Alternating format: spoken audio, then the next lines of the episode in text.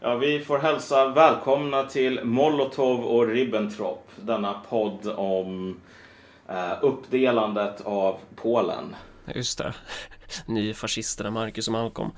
Det, det, är väl ungefär det vi ska prata om i första delen av det här avsnittet, att eh, du och jag har börjat skriva på sajter som, eh, som inte är kosher. De, det är inte halal. Nej, men precis, ja. Och eh, i andra delen ska vi snacka lite ryska lagar, tanken. Ja, ja, du vet, nu när vi har kommit ut med garderoben, och det här har ju i och för sig varit en öppen hemlighet hur länge som helst. Men eftersom jag får betalt i rubler av FSB Ja. så har det ju varit så att de har ringt mig de senaste dagarna och sagt Malcolm, nu måste du fan förtjäna lönen som vi betalar dig. Du måste stoppa den här hemska orättvisa attacken på Ryssland i svensk media. Mm. Så vi kommer att göra vårt bästa för att se till att det blir så helt enkelt. Och då har du bland annat börjat skriva för Göteborgs-Posten och sen har du lite andra grejer på G som vi inte behöver snacka om nu kanske men Du, du har eh, Det går bra för dig Ja, men precis. Men jag menar, jag är ju inte den enda som har börjat Nej, använda pennan för fienden. Så vi kan väl tala om, tala om dig här först snarare. Ja, du har börjat skriva för nyheter idag, eller? precis, Precis. Eh, och ja, jävlar vilket härj det blev på våra ackumulerade hatare liksom. Eh, och det är väl ingen överraskning och det är inte heller så jävla intressant kanske. Alltså, jag, jag tänker man, man kan ju kort så här bara eh, förklara lite hur man skulle kunna tänka kring den här grejen. Och jag ser det väl som så att man har två vågskålar här med plus och minus. Och i plusskålen så ligger det liksom att jag får lära mig hur man bedriver alternativ media från en av Nordens främsta mästare när det gäller klickhoreri. Eh, Ja. Någon som är jävligt bra på det liksom. Eh, och samtidigt då kunna få ett flexibelt deltidsjobb eh, som jag kan göra hemifrån. Och att det här då kommer ge mig större möjlighet att kunna planera min vardag med partiet på ett mycket bättre plan. Liksom. Att jag kommer Mm. vara mer flexibel när det gäller att jobba med att bygga organisationen. Eh, och sen givetvis att man når ut i en annan filterbubbla. Eh, och, och det... Jag har väl aldrig hymlat med vad, vilken målgrupp som är relevant för oss och vilken som inte är det. Så, eh, jag, jag, tycker jag ser väldigt många fördelar med att skriva på nyheter idag. Eh, precis. och sen ja, i andra vågskålen så har vi då så här avlägsna bekanta diverse vänsterfolk som blir som blir upprörda och tror att jag är fascist. Eh, och om man väger de här mot varandra då ehm, så så är jag ledsen att behöva säga det men era tårar väger inte så jävla tungt här alltså. Eh, det, det som är viktigt för mig här det är ju vad som gynnar våra byggen och så. Eh, och sen kan, jag, kan det ju också vara bra att betona att det är ju för övrigt skitbra att den etablerade vänstern skriker någonting som du och jag har tjatat om i den här podden hur länge som helst. Det vill säga att vi är två olika saker. Vi, vi hör inte ihop, vi har inget med varandra att göra eh, och det är så det ska vara. Så jag är bara tacksam att de här spelar den roll jag har gett dem att spela. De, de är jävligt lydiga i sin roll när det gäller att bara så här göra jobbet åt oss och visa att så här, vi är två olika politiska fenomen. Mm. Ja, alltså när det gäller mig så kan jag ju faktiskt säga att ja, den som lyssnar på Marcus och Malcolm eller Molotov och Ribbentrop eller vad man nu vill kalla dem när man håller på och subtweetar på Twitter. Ehm, men hur som helst, det var ju något tidigare avsnitt som vi höll på att tala om det här med vänstern och jag var ju mycket mindre så här liksom fuck vänstern än du. Ja. Grejen är väl att den här senaste tiden för mig har varit väldigt lärorik. Som någon med någon form av jävla grav autism. Socialt inkompetent. Så det krävs ju någon form av liksom chockterapi för att förstå vad det hela handlar om. Jo. Som kanske inte behövdes i ditt fall. Men... ehm, Jag fick väl min för några år sedan. Det är väl... ja, ja, men precis. Jag kommer ihåg när vi träffades för hur jävla många år sedan som helst Ja. så var ju... Du vet, den ena var naivare än den andra. Liksom. Det var ju verkligen så. Ja. Och sen så har man ju genomgått en lång rad av desillusioneringar sen dess liksom. Men jag tror att den slutgiltiga desillusioneringen för mig kom väl typ att jag skrev ju det här inlägget. Mm. Ät inte snö som blivit gul. Liksom, bli inte hög på eget knark. Poängen med det var väl bara att beskriva de rent materiella faktorerna bakom varför man inom stora delar av vänstern hade liksom en förväntan på att invandrare, som man ofta såg som en sorts homogen grupp, skulle bete sig på ett sätt. Och så gör de sällan det liksom. Och då måste man förstå varför. Och jag var ganska noggrann med att säga att okej, okay, jag är inte poängen här är inte att säga att invandring är dåligt eller liksom stäng gränserna eller något sånt. Och ändå så ser man hur folk bara rullar ihop, rullar igång den här jävla drevmaskinen ungefär och ska utmåla en som det. Och det lämnar ju en jävla viss bitterhet kan jag väl säga på ett plan. Därför att man förväntade sig ändå någonting mer. Och inte då i termer av att du blir ledsen utan mer att de lyssnar inte på dig. Som jag sa, det, det är ingen idé att kommunicera med de här människorna. Det finns ingen ja, anledning liksom. Vet du vad? Det, det, är så här. Vad heter han den där galna japanska författaren som tog livet av sig efter att han ockuperade något jävla ministerium? Jag vet jo, inte. Yukio Mishima. Okej. Okay. Uh, eh, ja, du, du, får googla det sen. Ja, ja. Men han sa, han, han sa en ganska bra sak som är liksom att okej, okay, bli förrådd av någon som man älskar. Mm. Det är faktiskt inte hela världen. Det är först när man blir förrådd av det som man försöker eller låtsas som att man hatar som man verkligen liksom, träffar rock bottom. Mm -hmm. Och jag vet inte, du vet du och jag väldigt överdrivna så här fuck vänstern bla bla bla sådär. Men jag tror att när man håller på så så har man fortfarande någon sorts grundläggande förväntning om att det ska liksom finnas någon så här, du vet, kvalitet här i de här människorna som de har förrått typ. Ja, ja, jag fattar hur du menar. Ja, nej, men så var det för mig för att jag är mer naiven och liksom trögtänkt än dig. Men sen så ser man liksom i SVT upptäcker en 18 månader gammal artikel som jag faktiskt inte hade läst innan. De skriver precis de sakerna som mm. jag skrev. Och liksom SVT är ju inte direkt så här liksom nya tider. Det är ungefär så långt in i PK-media man kommer typ. Så jag menar, att bli anklagad för att vara någon sån här mörker person ute efter att sprida en dunkel invandrarfientlig agenda. När man säger en grej som SVT har sagt för 18 månader sedan. Det illustrerade ju typ vad det här handlar om. Och att det finns liksom två aspekter här. Det första är det här kompisgänget typ. Bete dig på ett visst sätt för att det är liksom så som kutym ser ut. Det är så som den sociala koden ser mm. ut. Och sen så finns det någon sorts plan på materiell, av materiell politik. Och jag orkar inte bry mig om det här första planet längre överhuvudtaget. Jag ställer mig totalt likgiltig nu inför sån, de sakerna. Jag skriver på ställen överlag där jag får skriva och där det inte ställs massor med krav på att jag får bara skriva den här och den här saken. Mm. Liksom. That's it. Um, och det låter ju som en jättenegativ sak att du kommer över kanaler där du når ut till hundratusentals människor och kan hålla på och pumpa våran eh, kommunistiska propaganda här liksom. Det, det låter, oj, oj vad dåligt det är. Jo, men precis, men du vet, sen så får man ju de här människorna som bara säger, vet du vad? Jag lyssnade på eran podcast, men så här, ja. nu är jag så himla besviken för liksom, det visade sig att ni inte var de här idolerna som jag tänkte Men det, du vet.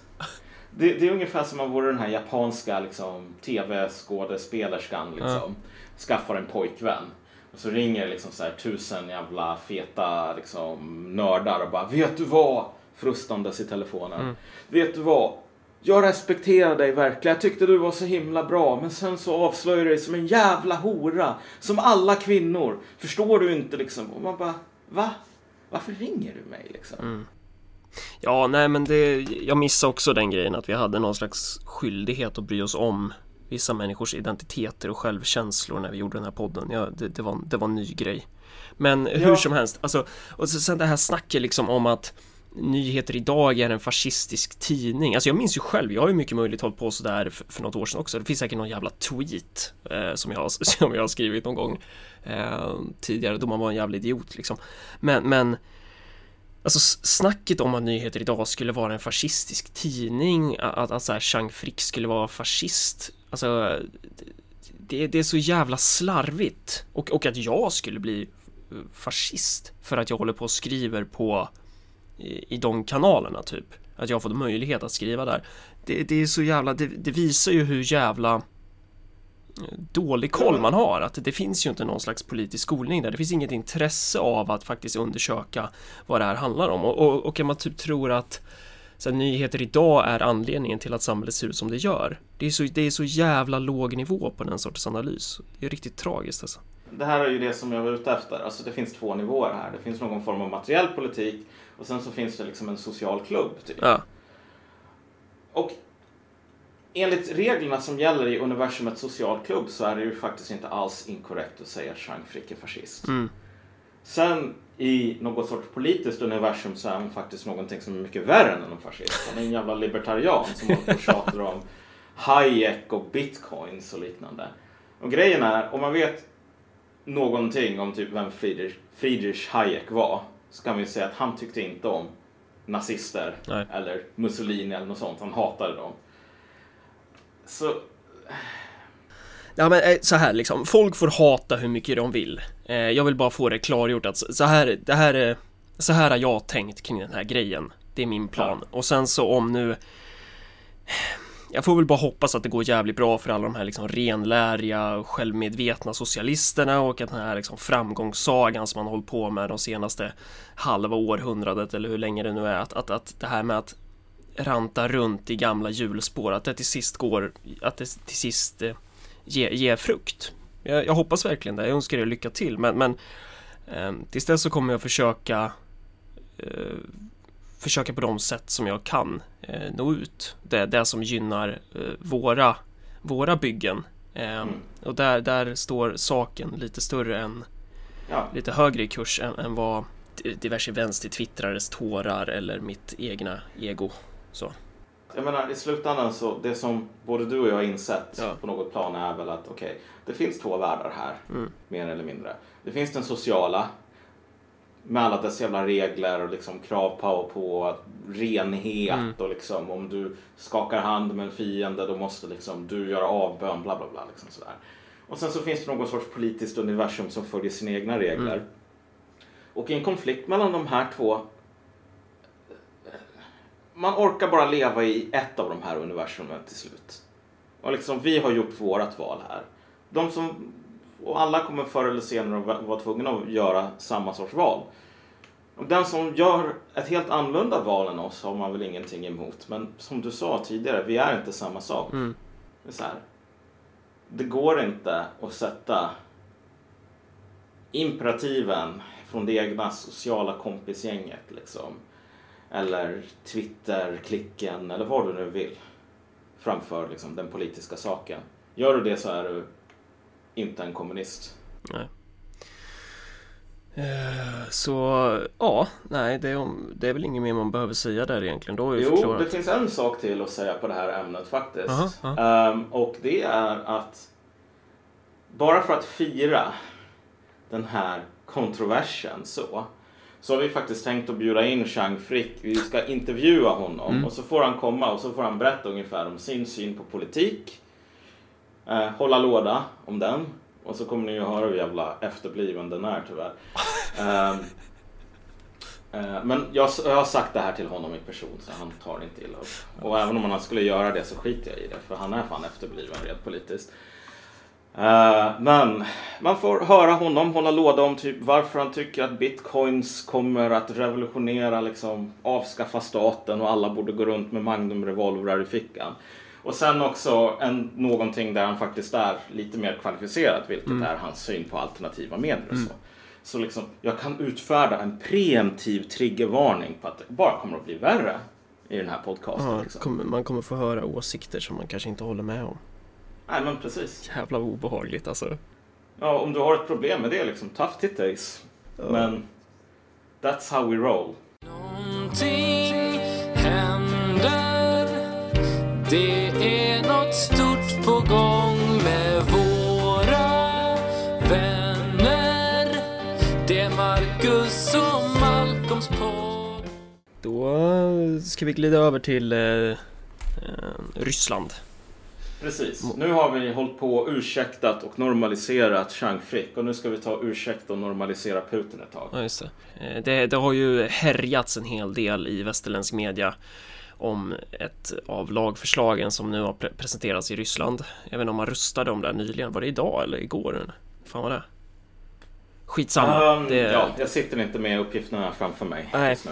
Men eh, det är ju det här med liksom eh, lagen kring hur la, lagens utformning gällande våld inom hemmet, inom familjen och sådär. Domestic violence. Ja, precis. Eh, och i västerländsk media så skriver man ju saker som det är ju stil med Putin vill, Putin vill eh, att alla kvinnor ska spö. Ja, men han vill legalisera våld mot kvinnor. Just det, så är det Det är det som man säger, legalisering. Ja, legalisering av Eh. våld mot kvinnor. Ja. Eh, vad handlar det här egentligen om? Ja, alltså. Det är så himla roligt egentligen när man gräver under liksom lite grann skrapar Vi, vi har för övrigt fått skit för att vi säger egentligen. Finns det någon i det här landet som säger egentligen? Det är ju typ bara efterblivna stockholmare i innerstaden som säger så. Det kan, det, det kan ju inte finnas någon i det här landet som, som säger så. Wow, alltså ja, men jag tycker det är väldigt funkofobiskt också. Okej. Att hålla på och komma med den kritiken mot oss. Det, ja, Hur som helst. Som sagt. Väldigt stor kontrovers kring det här. Man vill legalisera barnaga och så du vet alla de här jävla gråtmilda liberalerna. Inklusive någon som skriver för GP. Och liksom kolumnist. En kollega ja. i ondska liksom. Verkligen det här. Kvinnokampens framgångar är så himla fina och heliga. Men alltid så finns hotet, bla bla bla. Och det ironiska här, om man ser till vad som faktiskt håller på att ske, det är att Ryssland håller på att få en lag angående barn och kvinnoaga som ser ut ungefär som den i Sverige. Typ. That's it. Liksom. Det är så här. Man talar om att ändra lagen så att den ligger mer närmare svensk nivå. That's it. För, för att snacket har ju varit att man kommer ta bort fängelsestraffen från att slå, eh, slå på kärringen liksom. Exakt, och det håller man på att göra under väldigt specifika, väldigt smala, um, liksom, inom väldigt smala ramar. ramar. Därför att nyligen så kom man ju med en reform på det här med alltså, ringa misshandel mellan folk som inte känner varandra. Att det här skulle bli ett sånt här ehm, liksom, mindre allvarligt brott som oftast bara leder till böter. Mm. Och då är alltså ringa misshandel, en person ska liksom inte åka in på sjukhus eller något sånt där. Och det är också så att det är bara första gången som du slår någon som du, det här är relevant. Annars så gäller fortfarande den här grövre brottsbedömningen. Och man ändrade på det här alltså i fall av ringa misshandel mellan folk som inte känner varandra. Men man ändrade inte, för det här är liksom en separat kategori, eh, på i fall av våld mellan folk som känner varandra, liksom, inom familjen. Så Ryssland, innan den här lagändringen, eh, Så var det mer okej att, grann, att man kunde gå in till grannen och säga hej, slå min fru. Ja, och så, så blev det ett lägre straff än om man gjorde det själv. Precis, två män som, som kommer överens om att så här, båda deras fruar har ballat ur. Och så säger jag slår din fru, du slår min fru. Har alltså kom väldigt mycket lindrigare undan än två män som slog sin egen fru. Därför att man bara ändrade på en sån här kategori här. Ehm, och samma sak, om någon går fram och bara typ ger ditt barn en käftsmäll så är det liksom ett mindre allvarligt brott än om du gör det. Ehm, så man ville helt enkelt harmonisera de här reglerna. Och sen så kan man ju tycka att all form av ringa misshandel borde egentligen ge en 10 års fängelsestraff. Och då kan man väl rösta på SD. Jag tror att det är de som har de som hårdast lag och ordning, profilering idag. Men, men poängen här var ju inte att så här, legalisera barnaga eller kvinnomisshandel. Därför det finns länder i världen där det faktiskt är lagligt att slå sin fru. Och det är lagligt så att när du slår din fru då är det ingen som bryr sig liksom. Polisen ger dig tummen upp. Men den nivån som vi talar om så skulle man hamna i Ryssland efter den här legaliseringen. Det är att om du slår din fru och det här är klassat som ringa misshandel. Du slår inte ut några tänder eller något sådant. Liksom, åker inte in på sjukhuset och använder inte massor med övervåld.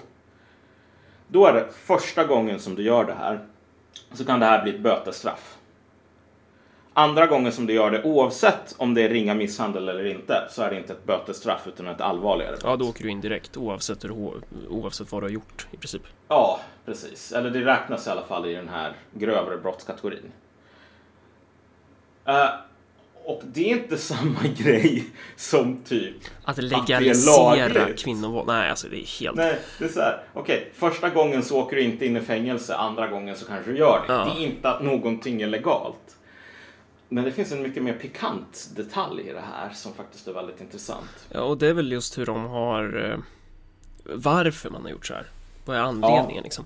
Och, och det är ju lite kul att, att om man nu ska hacka på Ryssland, varför man just väljer den där absurda vinklingen istället för att bara ta så som det är, det vill säga att eh, folk i Ryssland vet hur deras poliskår fungerar. Den är Ja. så här lite lagom korrupt och om du lägger in ett straff som innefattar böter då kommer inte den här utredningen bara läggas på hög och glömmas bort, typ, utan då kommer det helt plötsligt finnas ett, ett ganska tydligt incitament för poliskåren att utreda det. Ja, precis. Det här är någonting som få liksom, som sitter i duman eller eh, talespersoner för kyrkan eller något sånt vill liksom gå ut och säga.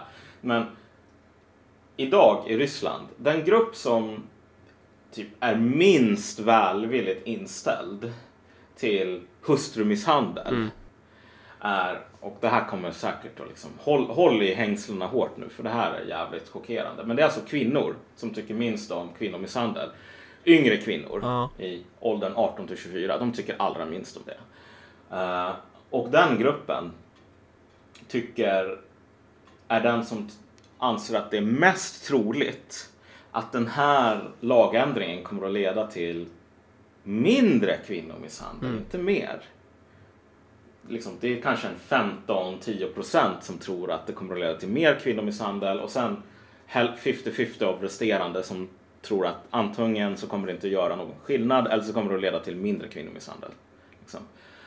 Så det- liksom, det finns ju ett narrativ här om så här hjärntvättade kvinnor för att den här talesmannen eller liksom någon medlem i duman som liksom sponsrar det här lagförslaget sa något i stil med liksom, ja, men kvinnor är dumma i huvudet, jag vet själv, jag är kvinna. Liksom. De måste tuktas. Men det här är en otroligt stor minoritetsuppfattning inom Ryssland. Eh, den ortodoxa kyrkan tycker ju att det här med barn och hustruaga, det är fan ganska nice, för det står i Bibeln att det är nice, och då måste det ju vara så. Men det är relativt få ryssar, inklusive ryska män, som håller med. Och precis som du säger, ett straff som det är bötesbrott på, givet hur den ryska polisen funkar, kommer att beivras mycket, mycket mer än ett straff som bara kostar pengar, typ. Och som genererar typ fängelsestraff enbart eller något sånt. Ja, exakt. Så att det har ju varit en stor grej att så här, polisen har haft väldigt svårt att bry sig om um, barnaga, liksom, kvinnomisshandel. Det är så här, du ringer och de, de rycker på axlarna lite grann eller så kommer du in till domstol och de i domstolen tycker att ja, men är det här verkligen liksom, Och, och det där är ju... varför är vi här? Det där är, ju- känns ju som ett genomgående tema i typ alla samhällen idag. Att man inte tar den sortens brott på allvar överlag liksom.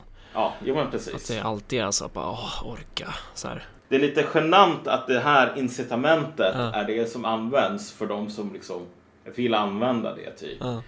Eh, men jag menar, det är ju fortfarande ett incitament. Ja, och det är ju ändå så här ett försök att eh, se till den subversion som äger rum inom våldsapparaten i Ryssland. Alltså se till den korruption som finns inom polisen och försöka spela utifrån det man har i syfte att de facto få ner kvinnomisshandeln i landet. Mm. Alltså Putin säger ju uttryckligen och det kanske är, ja, det kanske inte är världens grej att han säger så här, att han tycker att det är dåligt att man slår kvinnor typ. Men eh, nej, det kan jag klippa bort. Men, men så Nej men alltså, men det, nej, det är en viktig poäng. Ja. Det här med att det, det framställs ju ungefär i eh, västerländsk media som att det skulle vara Putin som är den som är liksom pådrivande i någon sån här personlig jihad mot kvinnor och väst och liksom upplysning och så vidare. Men jag menar om man lyssnar på honom, man låter ju som någon jävla Jonas Sjöstedt i de här frågorna. Ja. Så här. Barnaga, visst det finns folk i Ryssland som håller på med det. Jag tycker att det är en förlegad institution. Barn är liksom de svagaste i samhället. Eh, och det är väldigt liksom kort steg från att gå från så här, ja men du vet, man smiskar en olydig unge till någon form av misshandel. Vi borde inte hålla på med sådana här saker. Liksom. Vi borde vara bättre än så. Och typ djur borde också ha rättigheter. Och såna ja, just det, är ju en ny grej också att de snackar om. Ja, så så den pådrivande sociala politiska kraften här, det finns en sådan, men det är fan inte Putin. Och det är inte en majoritet inom det ryska samhället. Mm. Utan visst, det finns konservativa krafter, men det är inte... Det är för det första inte de som sitter på mycket av den politiska makten. Och det är för det andra inte därför som det här lagförslaget liksom klubbas igenom. Möjligtvis så finns det en del människor som man kan, DN kan gräva fram som säger ja men vet du vad, det här är första steget mot världsdominansen liksom. Först den här nedgraderingen av första gångs förbrytare Ja. i ringa misshandel till ett bötes liksom, straff. Och sen äntligen sharia typ. Eh, du- Du kommer alltid kunna hitta sådana galna människor men, men frågan är ju hur representativa de är. Ja. Och det är ju den frågan, hur representativa de är, som det är ingen som ställer typ. Utan vi har hela den här liksom, demoniseringen av det som pågår i Ryssland. Människor, det blir den här viskaleken eller vad det nu Ja, heter. men verkligen. Man, man säger ett ord i ena örat och sen så sitter man i 20 pers i en ring och så ska det gå runt. Alla ska viska. Exakt. Alltså för att folk bara säger ja men man vill avkriminalisera det här eller nu vill man liksom tvinga tillbaks kvinnor till köket och liknande. Men om man ser till realiteten i Ryssland idag. Nu vet jag inte hur up to date den här informationen är men sist jag kollade så var ändå kvinnor tämligen säkra väljare för liksom Putins parti. Och bara det faktumet torde ju komplicera den här bilden ganska mycket. Därför att det är inte så att ryska kvinnor, även om det nu finns feminister i väst som liksom insinuerar det här mer eller mindre. Men det är inte så att ryska kvinnor är Eh, bara så här underlägsna, undermåliga, untermenschen, subhumans sådär som är för dumma för att ha koll på sina egna intressen. Utan de om några är fullt på det klara med att ryska män som misshandlar ryska kvinnor inte är så jävla kul. Och de brukar inte ha några som helst problem med att sluta upp kring initiativ ämnade att um, reducera det här. En annan grej eh, som man har rantat om tidigare, ett annat lagförslag, var ju det här med, fan var det, att transsexuella inte skulle få köra bil, eller hur var det? Mm. Eh, och vad handlade den grejen om? När var det? Det var något års... Ja, skitsamma. Det var tillräckligt för Jag att tror det var två år sedan ungefär. Ja, och då var det så här, ja, Putin hatar transor, de får inte köra bil, typ. Kort sagt. Ryssland, jag tror de uppdaterade sin jävla körkortslag, gjorde någon mindre ändring så att den skulle vara närmare lagen som den ser ut i majoriteten av europeiska länder. Ja. Återigen, majoriteten av europeiska länder, inte så här typ Iran och Saudiarabiens konsensus om liksom vem som får köra bil. Ehm, och saken är den att i ganska många länder, jag tror typ alla länder där man får ha körkort, liksom, så finns det ju massor med undantag, människor som av olika skäl inte får ha körkort. Mm. Därför att om det kommer en blind och säger jag vill ta körkort, då, alltså man ser ju vad konsekvenserna kommer att bli i trafiken om man låter blinda köra. Så i Sverige så kommer blinda att få höra, ja men vet du vad, du kan inte se, det betyder att inte du har rätt att köra bil. Och när man säger till människor att de inte har rätt att köra bil så behöver man ju någon form av lagstöd för det. Liksom. Så här. Det måste finnas en lag på vilka som har rätt och inte som, vilka som har rätt och vilka som inte har det. Och saken är den att i sådana här lagar som räknar upp anledningar till varför någon inte kan få köra bil så är ju olika fysiska defekter, blindhet är en av dem, eh, som ingår i bedömningen. Och blindhet är ju egentligen liksom en undertyp av kategorin synskada typ. Så att jag till exempel har en synskada. Eh, jag har inget djupseende och jag är närsynt. Men jag skulle antagligen få skaffa ett körkort. Av den enkla anledningen att min synskada kan man nog inte demonstrera är så allvarlig så att den påverkar min förmåga att köra bil i grunden. En annan sån här kategori förutom fysiologiska begränsningar är ju psykiska sjukdomar. Mm. Och där så refererar den ryska lagen till den här, jag tror att det är, de refererar direkt till DSM V5. som är den här amerikanska förteckningen över olika liksom, psykiska sjukdomar och störningar. Och i den så finns transsexualitet med. Eller inte transsexualitet utan könsidentitetsstörning. Men grejen är att att säga att lagen refererar till DSMV där det finns könsidentitetsstörning med leder till ett förbud mot transsexuella. Det är som att säga att alltså, människor med glasögon får inte köra bil i Ryssland. Därför att den som har glasögon har någon form av synnedsättning. Liksom, typ. Mm. Um, och det får de ju. Av den enkla anledningen att du måste demonstrera, precis som i Ryssland som i alla andra länder, att den här liksom, störningen eller liksom, att du har glasögon eller vad det nu är leder till att du inte kan köra bil. Om någon är allvarligt, liksom, har någon sån här riktigt allvarlig schizofreni, då är det möjligtvis en sån där sak som kan förneka någon en körkort. Precis som om du har gravt nedsatt syn på båda ögonen så du bara kan urskilja skepnader, typ ingenting mer. Då det är en sån sorts synskada som gör att du kanske inte kan få körkort. Men ändå så blir ju, för det man landar i här är ju att det här är ju fake news. Ja, det är det ju verkligen. Ganska omfattande skala. Och frågan är varför håller man egentligen på så här?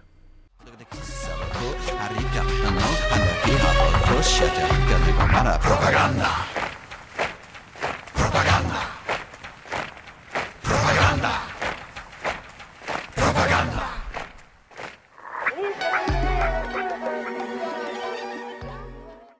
Alltså vad, vad är, vad blir effekten av det här? Vad, Ja, alltså, det har ju varit en diskussion nu på sistone där, om just fake news, liksom som det här yttre hotet, du vet. Det är människor som typ liksom Steve Bannon, Chang Frick, Putins alla jävla troll Ja. i sin trollfabrik. Det är de som håller på med sånt här. Men i realiteten så är det ju så att alltså, det här är ju bara propaganda. Alltså, det som vi talar om i, i fallet Ryssland här, det är klassisk propaganda. Och det är ju någonting, du, du behöver inte vara en utominstitutionell aktör för att hålla på med det, utan det här är ju någonting som DN och Aftonbladet eller DN och Aftonbladets motsvarigheter i Ryssland också, eller Iran för den delen, eller i Kina, kan hålla på med. Och de gör det ganska ofta. Och den här debatten som vi har haft har ju hela tiden fokuserat på att om vi bara ger DN liksom tolkningsföreträdet igen och typ då blir vi av med fake news. Då, kommer vi, då slipper vi alla de här jobbiga alternativmedierna som håller på och envisas med ett annat narrativ och berätta om andra saker och sådär. Ja, men, jo, men precis. Men också så här att den här... eh, Vad ska man säga? Svagheten, den här sårbarheten som människor har för saker som inte har någonting med verkligheten att göra, eller som är grava feltolkningar. Att den bara skulle vara någonting som, du vet, inte existerar ute i naturen i det fria i ett land som Sverige. Utan bara introduceras av olika liksom så här, externa agenter eller någon form av liksom moderna, du vet, typ illiberala judar mitt ibland oss. Typ. Den här sociala bakterien som liksom sprider sitt gift. Sådär. För det är ju mer eller mindre det narrativet som finns idag. Ja. Och det narrativet skulle ju vara mer övertygande om det inte vore så att typ hälften av Sveriges jävla journalistkår kunde kissa på sig över att Putin legaliserar kvinnomisshandel. När det som sker är att man ändrar så att det inte är högre straff för att slå grannens barn än vad det är för att slå dina egna barn.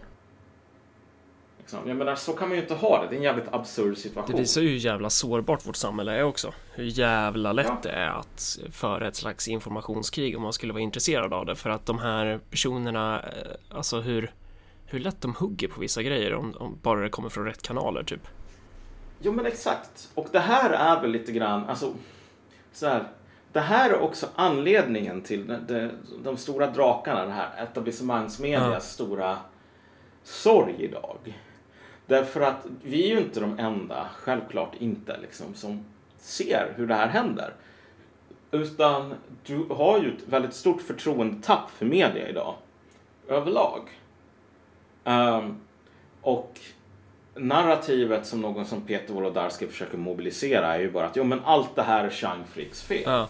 Men jag tror Chang Frick själv skulle säga att visst, vi är på sin höjd lika goda kålsupare, jag och Peter Wolodarski.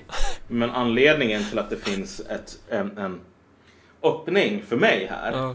är ju därför att alla fattar att det är inte så att den etablerade medien har rent mjöl i påsen. Mm. Och det finns väl flera anledningar. Men det är också, Det- nu senast så snackade man ju om det där i det här jävla debattprogrammet, SVT Opinion. Mm. Jag skrev en artikel om det i Nyheter idag. Eh, Mm. och, och det är om, eh, då, då, då skulle man prata om så här, vad innebär alternativ media, även om hon, producenten i telefonen, hävdade att de inte skulle prata om det. Men hur som helst, då skulle de prata om så här, vad innebär alternativ media? Eh, Mm. Och också prata om att förtroendet för media sjunker. Och vem bjuder SVT in då för att representera så här alternativ media? Jo, då bjuder man in Jan Sjunnesson från Avpixlat. Ja, det är jävla mongot liksom. Alltså, och, och det, det, där finns ju en tydlig agenda att visa så här att kolla, det är den här sortens foliehattar som är alternativ media.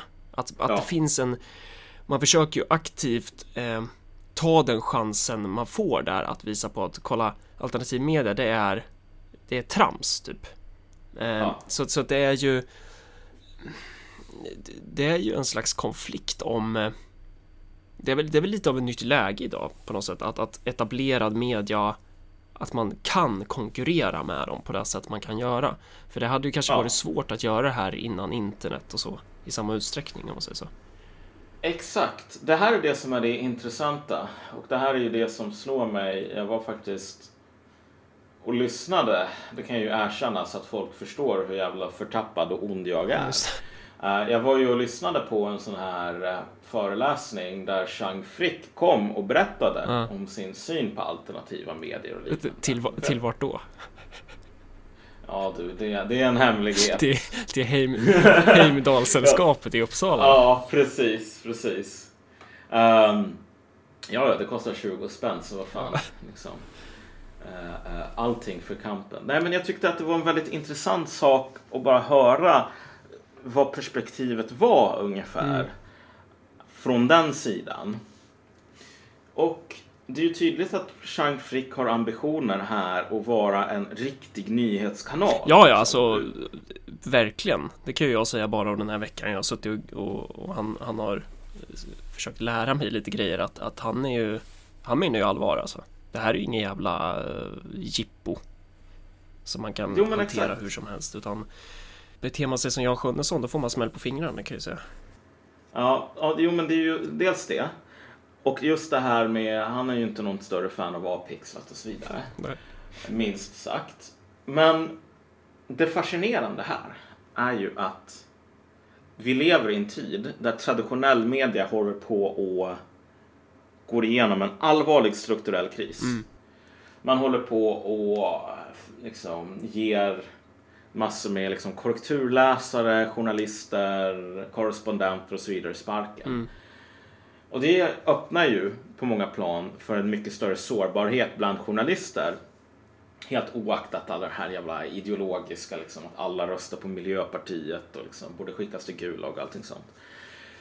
Men det öppnar ju för en mycket större sårbarhet för den här sortens lämmeltåg över klippan. Liksom, så här, att man alla håller på att säga, jo men vet du vad, i Ryssland så ser det ut så här, eller Putin sa det här. Och sen så blir man totalt överrumplad när eh, Putin eller Trump eller vem det nu är inte följer manuset som man har upp, gestaltat sig i någon sorts haschdimma i sitt eget huvud. Men såna här aktörer som Shine Frick, när de är seriösa så har ju inte de all den här institutionella bråten. Liksom. De har inte redaktioner på 300 pers. Och de har inte heller en lång historia bakom sig av att hålla på och förvanska. Vilket gör att det här är lite grann David mot Goliat på det här sättet som fighten David mot Goliat faktiskt var. Där visst, med någon sorts konventionell mätmetod så är det ju självklart att liksom David förlorar alla gånger. Men en konventionell mätmetod är ju konventionell för att den typ inte tar hänsyn till de faktiska styrkeförhållandena. Liksom. Och sen kan man ju tycka så här vad man vill om hur mediebevakningen ser ut i många alternativa medier, att det är jävligt mycket fokus på invandringsfrågor och så. Eh, och mm. om jag hade möjligheten att driva en egen sajt, om jag, om jag hade de kunskaperna, då skulle jag väl kanske ha ett annat fokus. Så. Men, men mm. här handlar det om att titta på hur funkar de här metoderna egentligen i praktiken? Ja. Hur, hur, kan man, hur skulle man kunna använda sig av det här? Eh, så. För att, för att ja, men... det här kommer bli mer och mer relevant i ett läge då, då saker går åt helvete. Då kommer ju inte direkt etablerad media bli mer sanningsenlig utan vi kommer ju få en utveckling där man börjar likna kinesiska statstelevisionen mer och mer. Ja men precis och det är just därför som nu har jag ju inte läst någon jävla forskning på området men det intrycket som jag har fått mm. är ju mm. verkligen att Sverige är ett av de länderna där liksom ett alternativ media är som störst. Och det har väl mycket att göra med att det är liksom här som vi har ett tämligen stort behov, eller människor. Det, liksom, det finns intresserade kunder. Mm. Och det finns ju bara på grund av att man upplever att det finns någon form av brist. Precis. I, i, i, i nyhetsteckningen. Varav det där liksom effekten blir ju tusen gånger starkare om etablerade mediekanaler vägrar skriva om viss, en viss sorts brott eller vägrar skriva då eh, ja, men den här diskussionen som vi var inne på om sexualiserat våld, eh, alltså vilka variabler som är relevanta och varför. Att man inte mm. vågar ta i de, eh, de frågorna i rädsla för att man ska tro att det blir eh, eh rasism av det så. Att, att då, då ger man ju upp ett mål till andra aktörer att, att göra det. Ja, och just den här invandringsfrågan mm. är så intressant för att det har blivit den här stora ideologiska skärningslinjen. Typ. Det är lite grann som Sveriges svar på alltså, klimatkrisen. För men om du åker till Florida Beach eller Miami Beach så kommer det ju vara människor som är verkligen så här dödstroende när det gäller att alltså, det, det finns inga antropogena klimatförändringar mm, och så mm. vidare. Och då måste ju vara det på något plan därför att om du har en jävla kondo i Miami Beach. ja. Alltså, liksom, vad blir alternativet annars? Ja. Men det är ganska skönt när man har, ser på den här frågan och faktiskt inte vara vänster längre och faktiskt inte bry sig om den här sociala miljön. Mm. Jag länkar ju den här kamraten som får förbli utan namn. Liksom, som mycket av diskussionen idag på Twitter och mm. på andra ställen verkar ju vara ungefär att okej, okay, nästa steg nu det är ju att vi, eller de inom vänstern, nu ska hålla på och verka för att så här, tidningar kan inte hålla på och skriva om brott hela tiden därför att då blir folk, då får ju folk intrycket av att det är massor med brott. Och så blir det här bråket. Ja, men alltså man kan, inte, ja. man kan ju inte hålla på och säga att all liksom, rapportering är propaganda och liksom, förstår du inte vilka konsekvenser det kommer att leda mm. till? Ja, men alltså. Det, det, är inte så som att Sverige faller sönder. Det här är verkligen alarmism och liksom dunkel högerpropaganda. Du vet, så jävla skönt att inte behöva vara en del av mm. den sortens språk typ. Nej men, och men, det är ju så jävla, det är ju så genuint antimarxistiskt förhållningssätt att inte vara intresserad och bara så här försöka dissekera vad det är som händer och tänka ja. så här, okej, okay, hur kan man använda sig av det här då? Att det, det finns mm. inte det här revolutionära trycket av att man måste utvecklas. Men ja, nog om det. Jo men alltså, men jag tar upp det här inte bara för att hö hö hö vänstern är dum. Utan för att, okej, okay, om vi säger så här att alternativ media nu håller på att gå framåt. Ställen som Nyheter idag som håller på och skriver om liksom, realiteten bakom skynket. Mm. Typ. Det får vara sant. Jag, jag, tror att det är sant i alla fall. Men jag menar, det finns ju självklart också en klientel. En, en sorts mediekonsumenter idag. Som vad de är intresserade av är ju berättelser som visar att det inte finns någonting bakom skynket. Liksom. Ja, men det går ju åt båda hållen. Och så, ja. så är det ju alltid, det ska man komma ihåg när man skapar politiska berättelser överlag, att man vill ju höra det man redan bestämt sig för. Mm. Man vill ju hellre pressa in verkligheten i sin berättelse än att försöka anpassa sin berättelse efter verkligheten så att säga. Jo men exakt. Och det är ju det som jag tycker är väldigt fascinerande just liksom med den traditionella medians roll här. Man kan ju hålla på och säga att de är dumma och förtappade och liksom så här PK, MP, liberalröstare liksom. För att de mörkar inom citationstecken. Men det finns ju också en materiell anledning, inte bara liksom som har med journalisternas egna ideologi, även om det här verkligen är en jävla ekokammare så liksom. Riktig jävla inavel rent ideologiskt. Men det finns också så här gedigna materiella skäl till att ha rapporteringen som ser ut på det här sättet där man hela tiden ska hålla på och angripa och bara, nej men vet du vad, kanske så är det inte så jävla viktigt att hålla på och skriva om varje brott som begås. För jag menar, liksom, vad leder det till? Mm. Det finns intressenter här. Så det är en relevant fråga att se om vi verkligen kommer att få med det här, som du sa, olika filterbubblor som verkligen glider ifrån varandra mer och mer och mer. Mm. Eh, det är ju en process som vi ser idag redan på många plan. Och där, den kan nog gå mycket längre tror jag. ja. Och det är intressant med filterbubblor, för många tycks ju tro att det bara är på ett idémässigt plan. Men, men filterbubblor är ju kanske i förlängningen någon slags klass, klassuttryck. Exakt, exakt. Så att det där... eh, Och där handlar det om, vill man då bygga ett stort politiskt subjekt ett, ett, om man är ute efter att ha ett brett demos då måste man ju vara beredd att smutsa ner sina händer och vet, greja andra filterbubblor än den som man har i sin Facebook-feed från tiden då man var dum i huvudet. Jo men definitivt. Jag menar det är ju verkligen så här. Borde egentligen vara A och O. Mm. Sådana här saker borde inte vara kontroversiella att, i slutändan. Det går inte att hålla på och predika för den egna kören. Utan du måste ju hela tiden ställa frågor. Typ, vad är det som ligger bakom formerandet av de här olika sociala klickarna? Och liksom, vad är det som ligger bakom det upplevda behovet av typ antingen någon som inom citationstecken säger sanningen om invandring.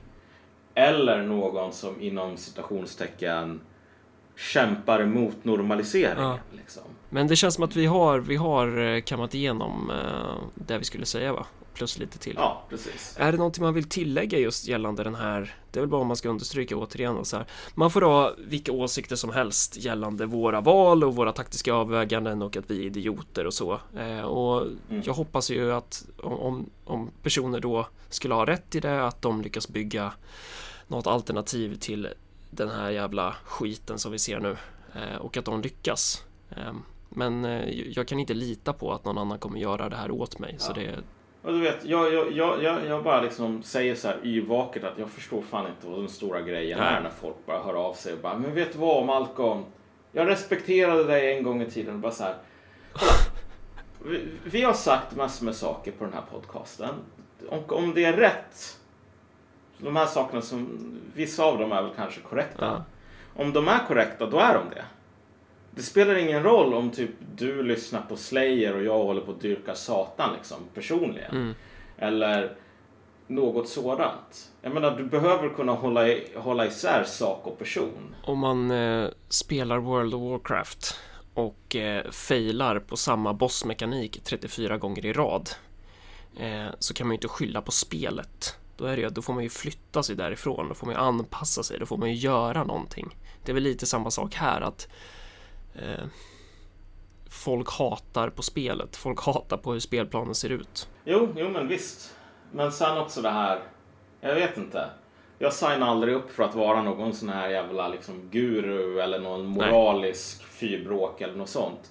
Så när folk säger, men Malcolm varför har du inte gjort ditt jobb som guru eller moralisk fyrbråk så vet jag faktiskt inte hur jag ska svara annat än va? en jävligt bra sak när eh, folk håller på och skriker sig hesa om oss är ju att jävlar vad lyssnare vi får. Alltså vi, vår podd sprids ju verkligen. Jag såg att en arg blatte talar eh, jag håller väl inte med om allt han har sagt i sina jävla YouTube-videos men jag tycker att det är skitnice att han lyssnar på våran podd och att han dessutom eh, är en så pass god, godtrogen lyssnare att han sprider våran podcast.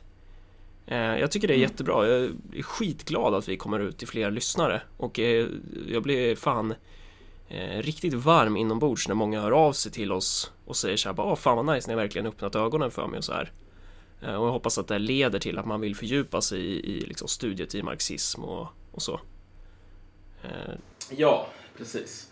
Sen behöver vi avslutningsvis också påpeka en sak som det har varit en viss... Eh, Ja, det var någon sur kommentar kring det. Ja, precis. Nå, nå så här bara. Jag är väldigt besvikna på er, Marcus och Malcolm. Liksom. Nu drar jag undan mitt stöd för att typ, liksom, vi hade börjat göra kortare avsnitt så att vi kunde ta ut dubbelt så mycket på Patreon. Ja. Och det där är ju... Det där stämmer det är bullshit för att vi förra veckan så släppte vi två avsnitt då och då, då Ja. drog jag bara en en sån charge Patreons så den andra var en free post. Eh, och, Precis. men, men det är så Men- men- intressant att man kommenterade utan att, utan att dubbelkolla. Att bara, Låt oss vara otroligt klara här. Att eh, om vi släpper två korta avsnitt till exempel så är det antagligen på grund av att de här han, vi har liksom två korta ämnen Mm. och då är det mycket bättre att bara dela upp dem sådär. Men den andra gången som vi kommer att ta betalt för två avsnitt en vecka eller något sånt, det är ju om vi gör liksom liksom 90 minuter, 120 minuter eller något sånt liksom av innehåll. Om det bara är en 50 minuter eller något sådant. 50 minuter är ju de avsnitten vi brukar köra. Ja, precis.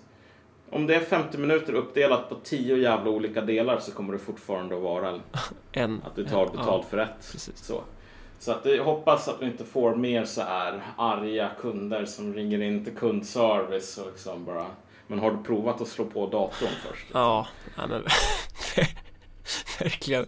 Men det, med det sagt så är det, det är ju fett jävla nice att vi hela tiden får fler patreons också. Folk som vill fortsätta att donera gåvor varje gång vi eh, släpper ett, ett, tillräckligt stort avsnitt. Eh, Och eh, eh, ja, vad fan finns det mer att säga? Jag har väl sagt det man behöver säga. Sprid det här avsnittet. Gör som en arg blatte talar. Annars så kan ni inte komma och kritisera att han sprider våra avsnitt. Så var bättre själva då. Sprid våran podd. Ja. På återseende helt enkelt.